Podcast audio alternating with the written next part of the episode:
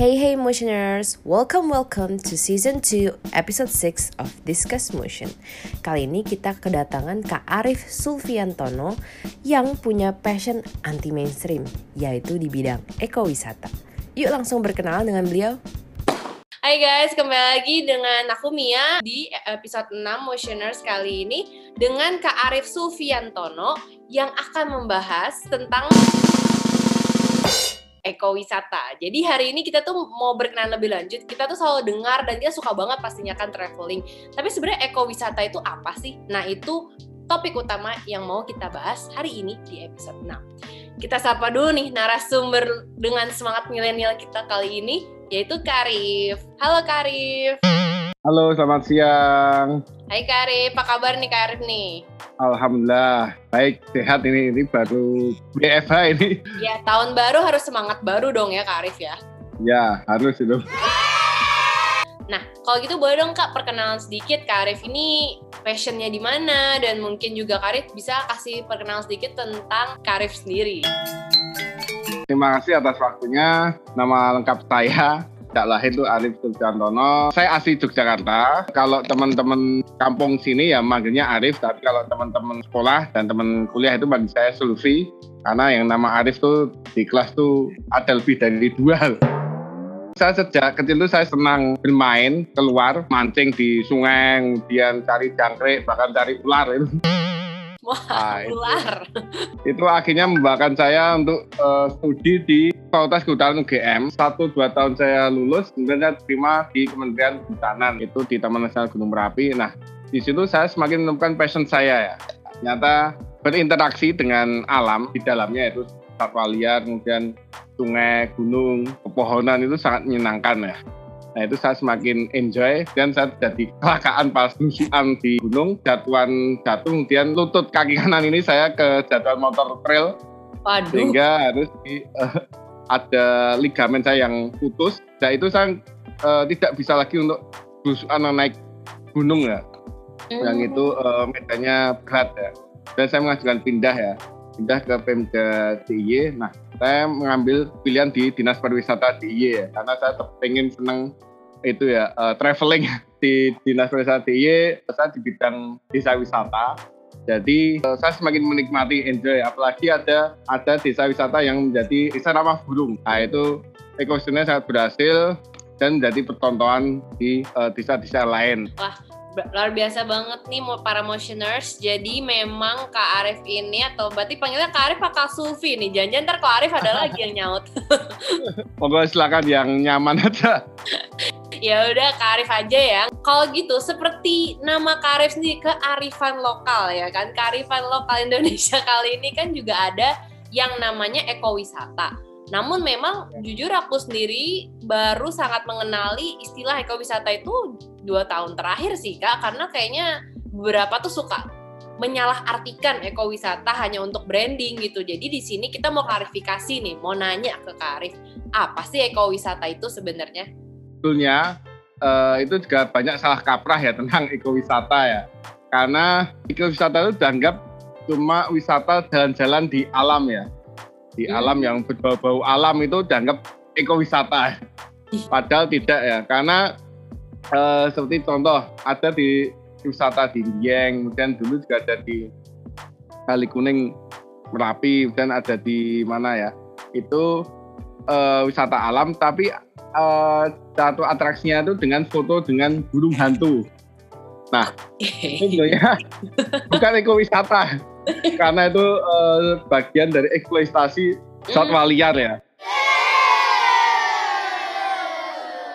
Nah, Hmm. kan kasihan ya itu burung hantu yang dia masuk kategori masuk nokturnal, burung nokturnal, burung malam yang itu aktivitas malam hari itu dipaksa untuk beraktivitas pada siang hari ya. Wah. Sehingga kadang-kadang kalau kalau matanya itu eh, apa eh, terpejam itu disemprot air itu. Nah, itu Waduh, kasihan prestasi itu. itu sampai penyiksaan namanya bukan ya wisata. ya penyiksaan itu.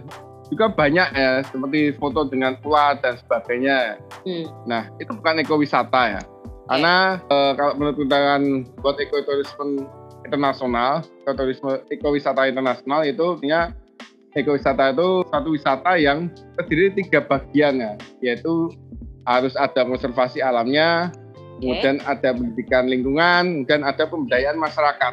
Nah, pemberdayaan masyarakat ini ada sisi ekonominya itu. Oke. Jadi tadi yang pasti kalau ekowisata itu harus ada tiga unsur tadi ada konservasi Ya, ya. alam, ada pemberdayaan masyarakatnya, dan ketiga juga Ya. pendidikan tentang lingkungan hidup yang sebenar-benarnya nih, bukan yang foto-fotoan sama burung hantu. Bukan, bukan.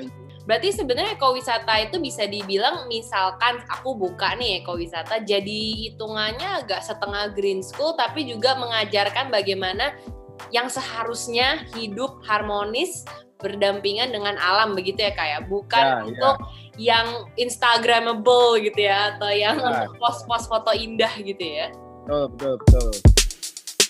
Lanjut ke pertanyaan selanjutnya nih. Ya. Kenapa ekowisata tuh berarti penting gitu kak? Karena kan sekarang apalagi mungkin orang-orang sebenarnya mau pas traveling gitu kan, pas jalan-jalan mikirnya kita maunya having fun terus mungkin dapat ya foto-foto yang bagus gitu kan. Nah kalau gitu sebenarnya kenapa pentingnya ekowisata nih dibandingkan wisata yang biasa gitu? Tahun kemarin, kalau nggak salah bulan Februari ya, di opini tentang satwa liar ya. Itu karena tulisan saya eh, beranjak dari eh, berkembangnya virus COVID ini, corona ini. Tentunya eh, kalau menurut penelitian dari beberapa penelitian kan itu virus corona dari kelelawar ya. Kelelawar ya harusnya sudah hidup di terpencil di gua, di wilayah jauh dari manusia, malah dikonsumsi ya itu. Hmm. Nah, itu eh, jadi bumerang sendiri bagi manusia ya. Dulu juga sama, ada virus Ebola. Itu nyata juga eh, muncul dari konsumsi itu eh, kepala janin eh, kepala bayi simpanse ya. Hmm. Karena dari eksploitasi hutan ya. Ini penting eh, agar sebenarnya wabah pandemik ini ya COVID ini juga menjadi yang berharga ya bagi kita semua ya. Agar juga eh, kita aware terhadap alam, konservasi alam. Nah, ini bagaimana alam itu eh, bisa kita manfaatkan secara eh, jangka panjang ya. Kalau dalam ilmu ada SDGs ya, Sustainable Development eh, Goals ya, tujuan jangka panjang ya. Nah, itu makanya satunya lewat ekowisata ya. Jadi ada secara ekonomi dapat, tapi kepentingan ekologis juga tidak tinggalkan, terutama nanti jangka panjang untuk anak kita. Untuk juga ketenangan jiwa atau batin manusia ya. Karena kadang-kadang eh, kita tuh perlu refreshing ya eh, ke alam ya, yang itu penuh dengan keseimbangan harmonisasi alam ya. Eh, makanya eh, kenapa orang-orang yang hidup di desa itu itu lebih bijaksana ya, lebih sabar. Yang dekat dengan alam itu biasanya lebih bijak. Kayaknya soalnya kalau di kota apa-apa buru-buru dong, ayo cepetan Ya. dong. Aku sih kalau sebagai orang Jakarta merasa seperti itu. Nah, berarti nih Kak, ekowisata ini ada dampak positifnya juga ya untuk kelestarian lingkungan? Atau sebenarnya ada dampak Ya. negatifnya juga? Kalau ekowisata yang benar itu sebenarnya tidak ada dampak negatifnya ya, karena dia sudah berangkat dari pemahaman yang sama yaitu bagaimana berharmonisasi dengan alam sekitar ya. Cuma kadang-kadang memang ada salah kaprah ya, di mana eh, wisata potensi wisata desanya atau alamnya itu banyak dikunjungi orang ya. Kemudian sehingga harus merubah bentang lahan itu.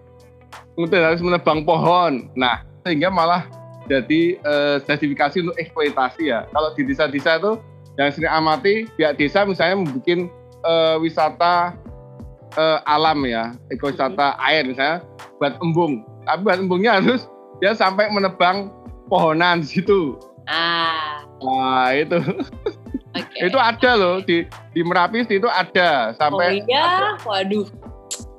dia memang dapat eh, keuntungan ekonomi dari situ dari pembuatan embung itu sama dari eh, pohon yang di atasnya dan pasir atau galian sir Loh, nggak jadi eco-friendly dong ini. nah itu Kalau gitu Kak, jenis-jenis ekowisata yang benar nih ya. Kalau di Indonesia itu ada apa aja Kak? kalau biasanya yang menurut ahli itu ada lima ya ada lima ya itu dari yang pertama itu self reliant ecotourism itu wisata yang menunjukkan individu atau kelompok kecil ini sekitar maksimal itu 10 orang Oke. ini tidak menggunakan transportasi atau yang transportasi sangat sederhana misalnya cuma perahu atau sampan yang satu dua orang kemudian dan kaki ya. Itu mengunjungi daerah yang sangat terpencil dan masih alami itu. Itu itu yang masih mungkin uh, ek, eksplorasi ya jenisnya itu.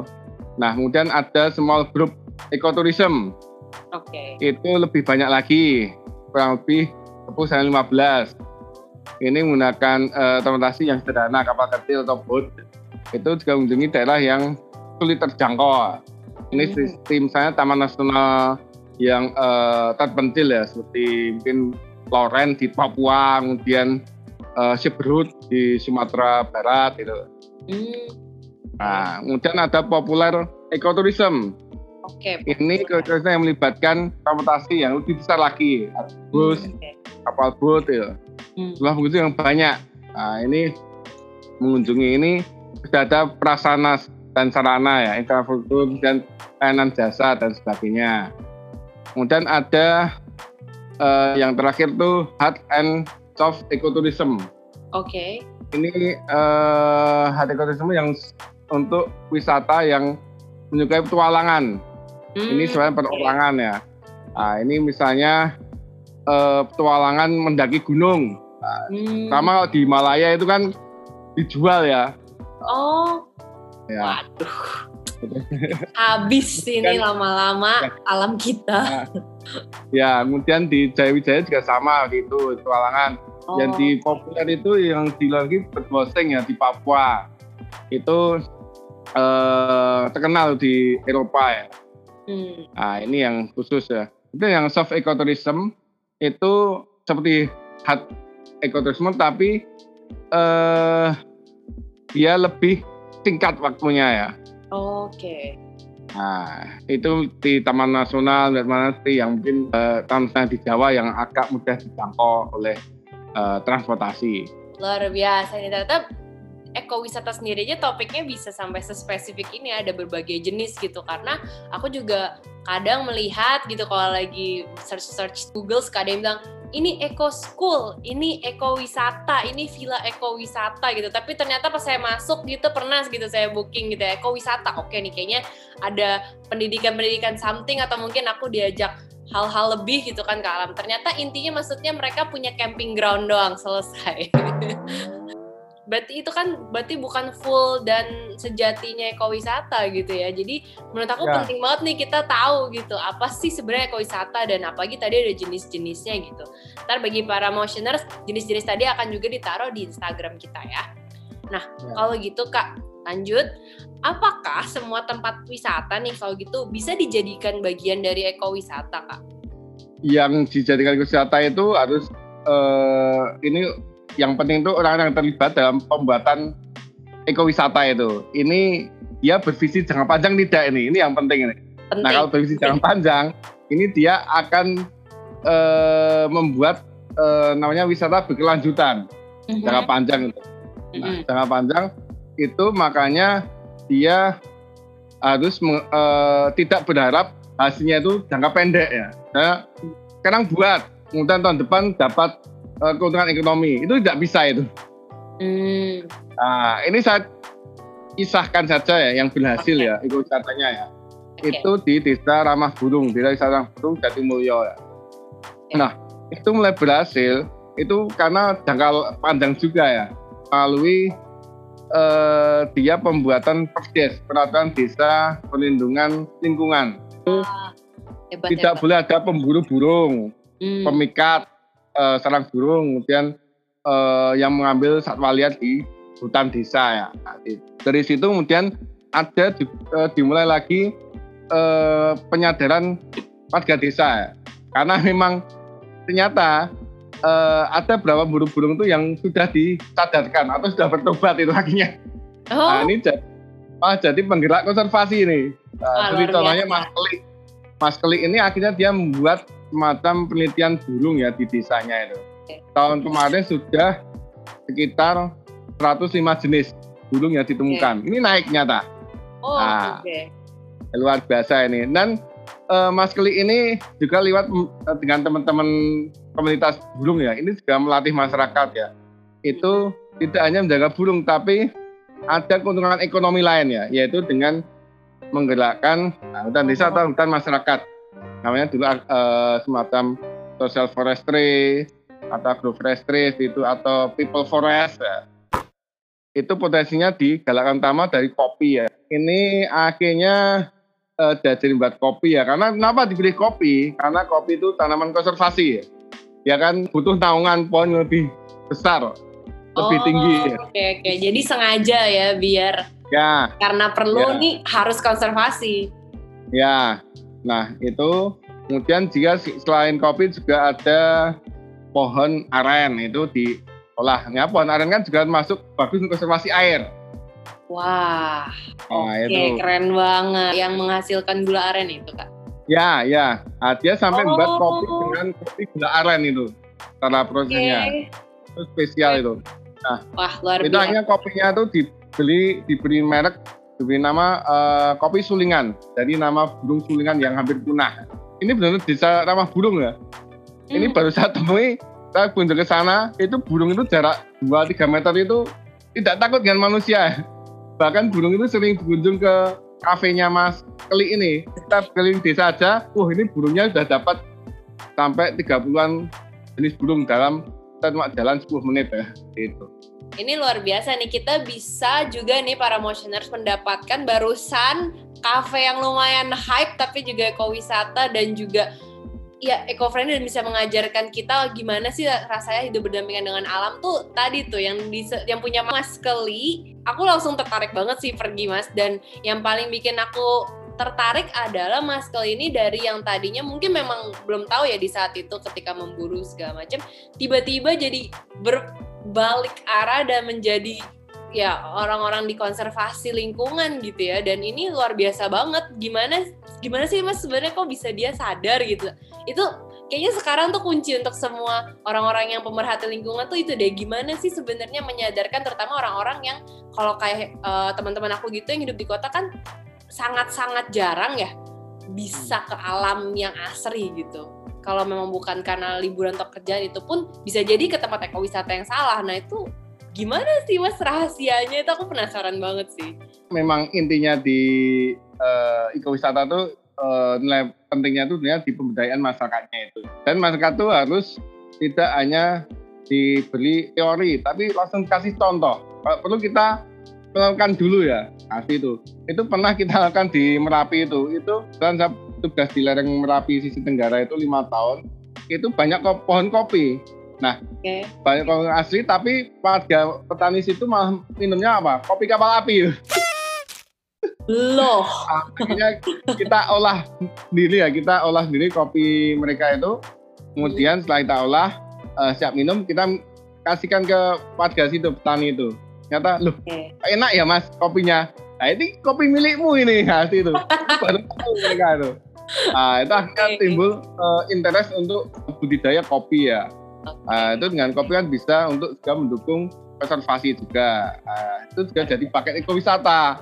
Ini luar biasa banget sih dan berarti eh, aku kalau tadi bilang satu kunci rahasianya itu ya untuk para pemerhati lingkungan yang mungkin dengar podcast kita hari ini yaitu kalau bisa pertama mungkin mencontohkan dulu lah. Langsung dari aksi seperti moto kita juga one act giant impact. Satu aksi besar dampaknya dan ini jelas banget besar dampaknya. Dan bisa mencontohkan terlebih dahulu aksi-aksinya seperti apa dan tidak hanya meng- mengimbangi teori ya jangan terus-terusan kita memberitahu tapi juga kita mencontohkan di kehidupan aslinya kalau gitu mas persyaratan apa aja sih membuat suatu daerah atau tempat berpotensi untuk pengembangan ekowisata kalau gitu Oke, eh, kalau saya lebih tarik ekowisata itu sekarang ke desa ya. Karena kenapa desa? Desa itu lebih simpel sekarang ya. Apalagi kalau misalnya di kawasan negara itu ada desa penyangganya. Di Taman Nasional Gunung Merapi itu ada 30 desa penyangga. Nah, Oke. kita garap desa wisata. kita harus pertama itu harus bisa mapping dulu mapping utama potensi alamnya potensi budaya dan kemudian kita bingkai dengan eh, ide-ide kreatif ya ini contoh sederhana aja ya saya cuma eh, bikin kegiatan riset eh, sederhana yaitu kegiatan kearifan lokal desa di lereng Merapi yaitu Merti Desa atau Bersih Desa namanya Oke. itu tiap tahun bikin gunungan itu ada banyak makanan. Nah, mereka ternyata itu sambil bikin eh, gunungan itu itu dengan juga melakukan uh, penanaman pohon. Nah, itu yang menarik. Oke, wah menarik. Juga ada yang mengadakan kegiatan festival wayang, wayang kulit tapi di dalam hutan. Nah, Wah, itu, itu pas mereka menanam pohon. Nah, Mhm. itu. Itu eh, itu nyata lolos seminar di Beijing di Cina ya. Nah, itu jadi menarik itu. Wow, keren. Ah, ya sudah kita bisa kita jual ya. Nah, itu sudah laku di internasional ya. Belum nanti kalau itu jadi paket wisata ya. Ekowisata gitu. Nah, Keren, ini keren. kita juga pengen jual lagi eh, model adopsi anggrek di Merapi. Ini Oh. juga namanya ekowisata. Anggrek Oke. merapi. Ya, ya katanya kan adopsi pohon atau sih misalnya kita ini wisata minat khusus ya itu eh, kalau wisata massal kan misalnya pengunjung ke suatu wisata alam foto-foto kemudian atau selfie kemudian upload di medsos selesai. Dia nggak pernah lagi berkunjung ke lokasi tersebut ya. Nah ini kalau wisata minat khusus ekowisata itu beda. Kita bingkai dengan misalnya adopsi pohon. Misalnya di situ silakan foto-foto boleh menikmati sambil nanam pohon. Nah, Oh, yang awalnya mungkin wisata biasa, tiket masuknya 10.000, 20.000. Dengan adopsi pohon naik jadi 150.000. Mereka bisa dapat eh, apa nanam pohon, kemudian dapat foto dengan pohon yang tanam. Nanti kita kasih titik koordinatnya. Nah, itu 150.000 itu untuk biaya eh, pemeliharaan selama 2 tahun. Wah, dua tahun lama banget ya kan? Itu harapannya apa? Nanti wisatawan itu berkunjung lagi di situ, nengok pohonnya. Terus Oh berapa iya, besar. Nah, bisa foto-foto lagi, tapi ada Ya, progresnya gitu. Oke, Ya, oke. Nah, ini kan jadi paket wisata yang ekowisata yang menarik. Pertama sudah dapat konservasi alam sudah sudah dapat. Yang kedua kebudayaan masyarakat dapat ada ekonominya. Yang ketiga juga ada pendidikannya untuk sama untuk pengunjung atau wisatawan. Luar biasa. Jadi ekowisata itu nggak cuman juga kita membantu mengkonservasi lingkungan kayak tadi, masih tetap bisa foto-foto cantik, tapi juga kayaknya kalau aku jadi turisnya ekowisata, pulang-pulang rasanya perasaan bukan cuman happy atau uh, seger gitu ya, tapi juga berasa apa ya? Ya bahasanya tuh feeling good gitu kayak berasa aku sebagai turis aja berkontribusi akan se- sesuatu gitu ya ini kayaknya Ya. membuat orang-orang jadi lebih percaya diri sih kayak kalau ternyata aku bisa melakukan sesuatu loh Itu makanya perlu ide kreatif tadi ya. Ini harus tahu potensinya ya. Itu saya sering kunjung ke Gunung Kidul ya. Gunung Kidul itu memang kawasan yang agak gersang yang yang sisi tengah dan selatan ya. oh, Kabupaten Gunung Kidul. Walaupun di selatan itu pantainya luar biasa karena pasir putih semua ya. oke Cuma pepohonan itu eh, kurang variatif jenis eh, floranya ya. Nah, eh, saya contohkan, Mbok, eh, kalian bikin paket wisata gini, misalnya kan banyak tanaman tumbuhan ketela. Ah, nah ini bikin paket wisata, ekowisata, nanam dan eh, panen ketela ya, panen ketela di kebun. Itu sambil anak-anak lu misalnya nyabut tela sendiri, kemudian mengupas, kemudian membakar tela di kebun situ, makan. Kalau pengen lebih lama nanti bikin pa- eh, makanan dari ketela di gaplek dan sebagainya. Menarik ya, itu juga untuk pendidikan lingkungan juga. ekowisata ini kayak spesial gitu nggak umum gitu jadi kayak Ya. orang kan kalau sekarang di kota nih apalagi mungkin ya anak-anak yang seumuran para orang-orang di bawah 30 ini biasa kan anak muda sekarang mau nyarinya yang anti mainstream anti mainstream itu ini sangat anti mainstream sih dengan biaya yang kalau di Jakarta kayak cuma bisa masuk Dufan itu masuk doang. Nah kalau gitu kak next questionnya adakah pengaruh situasi pandemi terhadap perkembangan industri ekowisata kalau gitu sekarang? Jelas ada itu, jelas. Itu eh, wisata juga turun ya. Apalagi ini yang kena pandemi yang besar itu wisata massal seperti tadi ya selfie di situ. Tapi kalau ekowisata itu eh, kalau ada penurunan cuma sedikit ya. Di, di Jatimulya itu itu eh, penurunannya sedikit sejak awal pandemik Maret itu sampai sekarang masih banyak yang wisatawan yaitu yang avitourism, birdwatching, melihat burung ya. hmm. Ah, itu saya juga sampai ke sana itu itu contoh unik itu yaitu melihat indukan burung itu memberi makan anaknya itu ah, Oh. sekarang itu di situ Oke. dan fotonya tidak jarak jauh dia jarak dua eh, dua meter tiga meter ya pakai rumah kamuflase itu ah, gitu. itu Oh, contoh oke. contoh yang bisa bertahan dari pandemik ya Oke, tapi biasanya berarti memang kalau yang ya mungkin dari keempat jenis tadi juga ekowisata itu pasti ada lah ya kak ya untuk yang terdampak pandemi ini karena kan jadi lebih terbatas gitu untuk para turis bisa datang ke site-site ekowisatanya ini ya.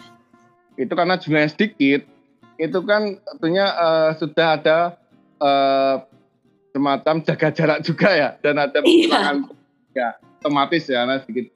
Tapi nilainya tuh ekonominya terbesar ya. Hmm. Bahkan bisa sampai 10 kali lipat dari uh, wisatawan biasa. Wah, apakah sebenarnya kalau orang mau buka ekowisata itu ya harus mikir juga gitu nggak sih kak kayak terbatas kah? Karena kan memang hutan-hutannya yang asri ataupun alam-alam laut yang asri kan sudah mulai agak berkurang gitu. Atau sebenarnya masih bisa ada potensi lain di ke depannya gitu? Itu makanya perlu mapping tadi ya. Lihat dulu uh, kondisinya ya, kondisi bentang lahannya seperti apa, kemudian kondisi uh, tekanannya terhadap alam gimana ya itu hmm. perlu ya kerusakan lingkungan tuh kalau asal itu tekanannya bisa dikendalikan itu bisa juga pulih lagi ya. Seperti tadi di Jatumulia itu burungnya dengan perburuan sebelum ada perdes gencar ada perburuan burung setelah ada perdes kemudian berkurang ya. Bahkan jumlah burungnya itu jenisnya bertambah ya. Ah. nah, itu bisa ya nyata ya. Bisa, bisa membaik ya lingkungannya ya. Oke. Okay. nah, nah Cuma memang kalau lahannya itu misalnya kawasannya memang dia tekannya kuat ya misalnya dekat pabrik dan sebagainya ya itu uh, perlu dipikirkan ulang ya yang cocok ekowisatanya seperti apa ya. Baik, kalau kayak gitu nih Kak, untuk pertanyaan terakhir berarti secara keseluruhan peluang dan tantangan ekowisata di Indonesia gitu itu seperti apa Kak? Tantangannya itu di SDM-nya ya, ekowisata ya. Oh, okay. Ini utama yang orang-orang desa ini sudah siap tidak dengan konsep ini ya ekowisata yang berkelanjutan ya. Selain ada inovasi dan adaptasi, harus ada kolaborasi. Ini kolaborasi itu dari pihak luar, stakeholder ya. Sama dari pihak kampus, dari LSM, dari komunitas dan sebagainya. Sama-sama bersinergi dengan desa untuk itu ya ekowisata ya, yang sesuai uh, dengan potensi alam dan budaya desa tersebut ya. Hmm. Itu itu pentingnya itu ya. Inovasi, adaptasi, adaptasi dan kolaborasi. Berarti kalau memang tadi itu beberapa tantangannya dan secara peluang memang sebenarnya kalau tadi kayak kata Karif katakan juga di pertanyaan sebelumnya memang sebenarnya masih ada tapi yang paling penting itu ya memang harus ada mapping potensinya dulu dan analisa keadaannya apakah memungkinkan atau tidak dan juga berarti kuncinya di kolaborasi untuk ide-ide kreatif ya kayak ya, untuk ekowisata ini. SDM di desa itu sangat terbatas ya ini makanya perlu itu tadi kolaborasi ya dulu saya pernah eh, tahun 2017 kita membuka dalam pendakian Merapi di sisi Tenggara ya. Itu oh. kita juga kolaborasi dengan eh, pihak lain seperti dengan SAR tempat ya untuk bikin eh, keamanan mitigasi nanti. Hmm. Dan kerjasama dengan komunitas pendaki dari kampus dan sebagainya. Nah, itu perlu untuk menghidupkan itu ya, tata ya. Betul. Oke. Okay. Masuk kita di Merapi juga tiap dua tahun tuh bikin agenda uh, lomba birdwatching uh, nasional pengamatan burung. Terus kita kerjasama dengan beberapa komunitas pengamat burung di seluruh Indonesia. Cara semuanya ekowisata ini bisa dikatakan penting untuk nggak cuma untuk menjaga alam, tapi juga manusia dan sepertinya ini salah satu cara yang paling efektif dan juga langsung untuk menunjukkan aksi dan feeling manusia gitu terhadap seperti apa sih cara alam tuh bertahan hidup, cara alam mekanismenya seperti apa, lingkungan hidup di alam asli sebenarnya. Jadi mungkin biar mereka lebih merasakan dan karena itu lebih berasa nyata gitu ya. Apalagi untuk orang-orang yang jarang banget atau mungkin dari kecil kayak saya gitu udah lahirnya di kota, lihatnya gedung-gedung konkret-konkret doang, pohon-pohonnya yang ada di pot-pot doang gitu. Jadi uh, aku rasa terkadang orang jadi kurang gitu feel-nya untuk terhadap alam dan kepeduliannya jelas jadi lebih tumpul dibanding orang-orang yang tinggal mungkin di desa yang lebih bisa um, secara langsung gitu untuk bersentuhan dengan alam-alam di sekitarnya. Hmm. Hmm. Nah kalau gitu kak terakhir sebelum kita menutup diskusi kita kali ini ada pesan-pesan nggak kak untuk para milenials nih terkait dengan ekowisata? Pesan ini untuk milenial itu kita harus nantiasa kreatif ya. Nah ini misalnya biasi milenial itu yang paling kreatif itu bisa diperoleh dengan dua cara ya. Pertama kita harus banyak membaca ya buku. Yang kedua kita harus sering satu rohmi atau traveling. Wah, setuju. Uh, dengan rohmi traveling itu kita uh, lihat kondisi yang real di luar sambil diskusi dengan pelaku langsung ya. Terus sering sekali itu ngopi-ngopi dengan pelaku wisata, bahkan dengan desa ya kita sering uh, sharing dan sebagainya. Maksudnya traveling juga kalau memang di saat yang aku mungkin beberapa orang lagi belum bisa atau apa, mungkin lebih juga mencari cara ngobrol banyak ngobrol gitu kan sama orang untuk ya. mungkin yeah. kolaborasi, bertukar pikiran lah seperti itu, ya, traveling yeah, yeah, otak yeah. juga. Yeah. Dan menurut aku memang pribadi mungkin bisa dibilang milenial, memang tertarik dengan saya ekowisata ini karena kita mendapatkan rasa senang, kita juga bisa tahu bagaimana sebenarnya mengkonservasi alam dan juga cara hmm. kehidupan di alam asri dan juga yang ketiga nih cara yang efektif untuk masa depan yang berkelanjutan. Karena pastinya juga kita semua kan masih pengen dong hutan hutan-hutan alam-alam lautan segala macam. Apalagi Indonesia ini sangat kaya sumber daya alamnya ini untuk tetap ada sampai seterusnya lah. Pokoknya selama mungkin gitu ya. Baik terima kasih banyak Kak Arif atas waktu yang diberikan ya, untuk ngobrol-ngobrol di Discuss Motion episode 6 kali ini. Semoga sukses selalu. Stay safe. Semua juga yang di rumah yang mendengarkan stay safe. And see you later. Sama-sama. Salam untuk semuanya ya yang di Motion ya. So stay tuned for more podcast on Discuss Motion. Jangan lupa subscribe kita ya di Spotify, Anchor FM, Google Podcast, dan juga Apple Podcast. Untuk update-update terkini, kalian juga bisa follow Instagram kita at Motion for Nature.